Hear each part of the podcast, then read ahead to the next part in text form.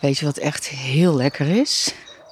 Zo aan het eind van de dag, als het zonnetje nog net warm genoeg schijnt, zo hè, nu in deze tijd van het jaar, om dan naar buiten te gaan. En nou ja, wat ik dan lekker vind, is hier aan onze picknicktafel midden in het gras te gaan zitten.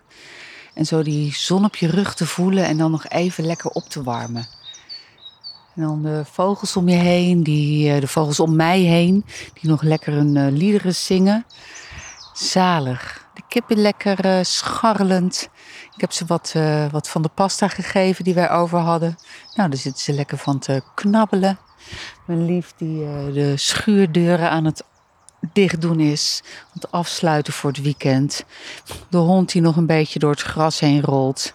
Oh, die heeft een tennisbal gevonden. Een beetje op een tennisbal uh, ligt te kauwen. De katten die uh, rondscharrelen, wachtend op hun avondmaal. Altijd heel gezellig als de beesten honger hebben, dat ze zo om je heen krioelen. En ik die dan zo lekker daar een beetje van uh, zitten genieten. Vrijdagavond zo, voor het weekend. Heerlijk. Kinderen die zijn van alles aan het doen. Die druppelen zometeen het huis binnen. En dan is het weekend. Gewoon lekker weekend.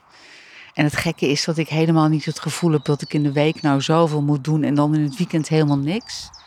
Maar toch, dat weekend voor de deur, dat heeft toch een magisch, uh, dat blijft iets magisch.